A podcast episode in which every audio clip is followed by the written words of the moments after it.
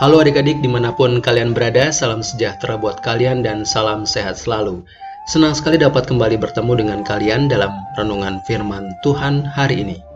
Kali ini kita mau belajar dari kisah seorang Archie Williams, seorang penyanyi berkebangsaan Amerika Serikat yang harus menderita di penjara karena kesalahan yang tidak dia lakukan. Sebelum kita membaca dan merenungkan, mari kita berdoa. Tuhan Yesus terima kasih buat waktu yang baik ini untuk kami dapat membaca dan mendengarkan firman-Mu. Beri kami hikmat dan berbicaralah melalui firman hari ini. Kami siap mendengar.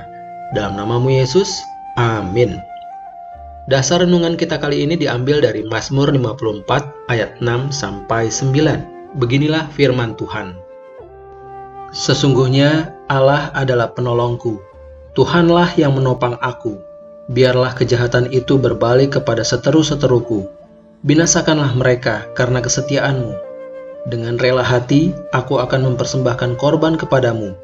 Bersyukur sebab namamu baik ya Tuhan, sebab ia melepaskan aku dari segala kesesakan, dan mataku memandangi musuhku. Demikianlah firman Tuhan hari ini.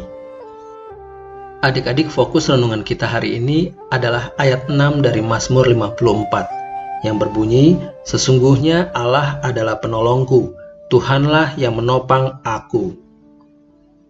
Adik-adik coba bayangkan, selama puluhan tahun hidup di dalam penjara atas kejahatan yang tidak adik-adik pernah lakukan.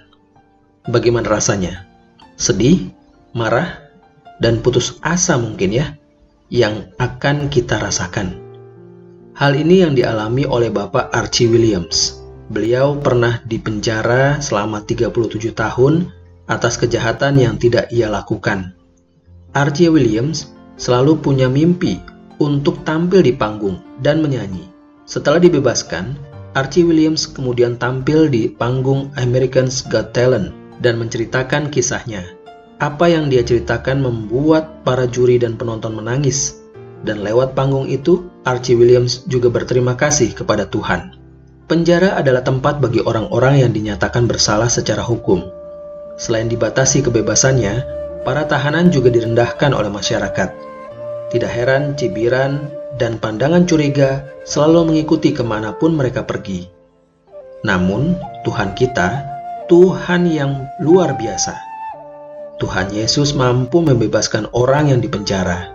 Ia mampu meninggikan orang yang direndahkan dan ia mampu mengubah hidup seseorang menjadi luar biasa. Wah, hebat sekali bukan Tuhan kita? Nah, adik-adik, apa yang adik-adik pelajari dari kisah Archie Williams? Mari, adik-adik bisa bagikan kepada mama papa ya, atau kepada adik kalian, juga kakak kalian. Saat ini, mari kita sama-sama bertekad. Aku tahu Tuhan mampu meninggikan orang yang direndahkan. Mari kita berdoa. Bapa di surga, terima kasih karena telah memperbarui hidup kami. Terima kasih ya Tuhan, di saat kami kecewa dan sedih karena diperlakukan tidak adil, Tuhan selalu mendampingi dan menguatkan hati kami. Dalam namamu Yesus kami sudah berdoa. Amin. Demikian adik-adik renungan kita hari ini, sampai jumpa besok. Shalom.